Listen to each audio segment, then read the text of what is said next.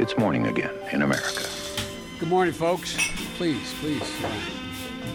Come on, let's go. Let's go get some coffee. Thank you very much. God morgen. Det er tirsdag 5. desember, og morgenkaffen fra amerikanskpolitikk.no er servert. I går gjorde president Donald Trump det omsider offisielt at han støtter den republikanske senatskandidaten Roy Moore i Alabama. Han er jo da anklaget av flere kvinner eh, for upassende eh, oppførsel da han var i 30-årene og de var i tenårene. Eh, senest i går kom det også da enda en ny anklage fra en kvinne som sa at hun var 17 år gammel da hun hadde et forhold til Roy Moore, som da var i 30-årene. USAs president støtter uansett uh, Roy Moore, uh, på tross av at store deler av partiet har tatt et steg vekk fra, fra Moore for lengst.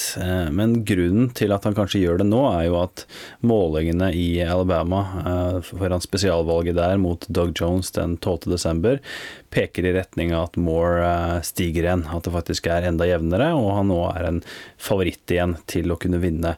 Det, sammen med det faktum at Trump da trekker fram på Twitter at ingen demokrater som stemte for skattereformen, understreker hvor viktig det er for republikanerne å faktisk beholde dette senatssettet i Alabama som republikansk. Og det får en jo til til å, tenke på hva skal til for at man tar avstand fra en av sine egne i et jevnt senatsvalg. Så det er noe vi snakker mer om i ukas episode av Ampolkast, der jeg og Våren har fått med oss Jan Arild Snoen til å snakke om denne skattepakken, Roy Moore og ikke minst siste utvikling i denne Russland-saken. En ting til som er verdt å få med seg der, er jo at Trump snakket med Roy Moore på telefon i går, og at han har lagt press på Republican National Committee, RNC, til å gå inn igjen med penger i senatsracet i Alabama, noe de nå også har gjort etter at de tidligere trakk sin støtte til Moore. I går fjernet USAs høyesterett tidligere innførte restriksjoner på Trump-administrasjonens kontroversielle innreiseforbud.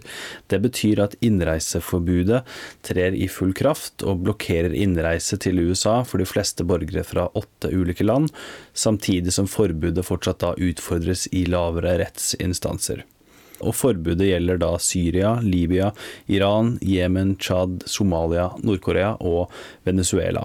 Og restriksjonene som i går ble fjernet, hadde tillatt innreise til de som da hadde en troverdig påstand eh, om et familiært forhold til personer i USA.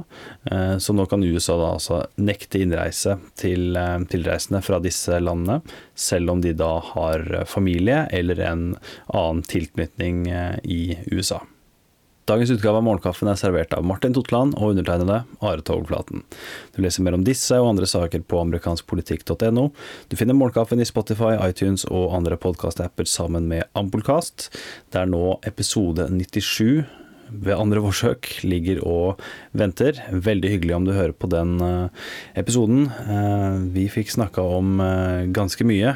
Vi fikk også spist litt julemarsipan og hørt et nokså utrolig klipp av Donald Trump fra 1997 i det ukentlige tilbakeblikket vårt. Hyggelig om du hører på den podkasten og tipser andre om å gjøre det samme, og så snakkes vi i morgen.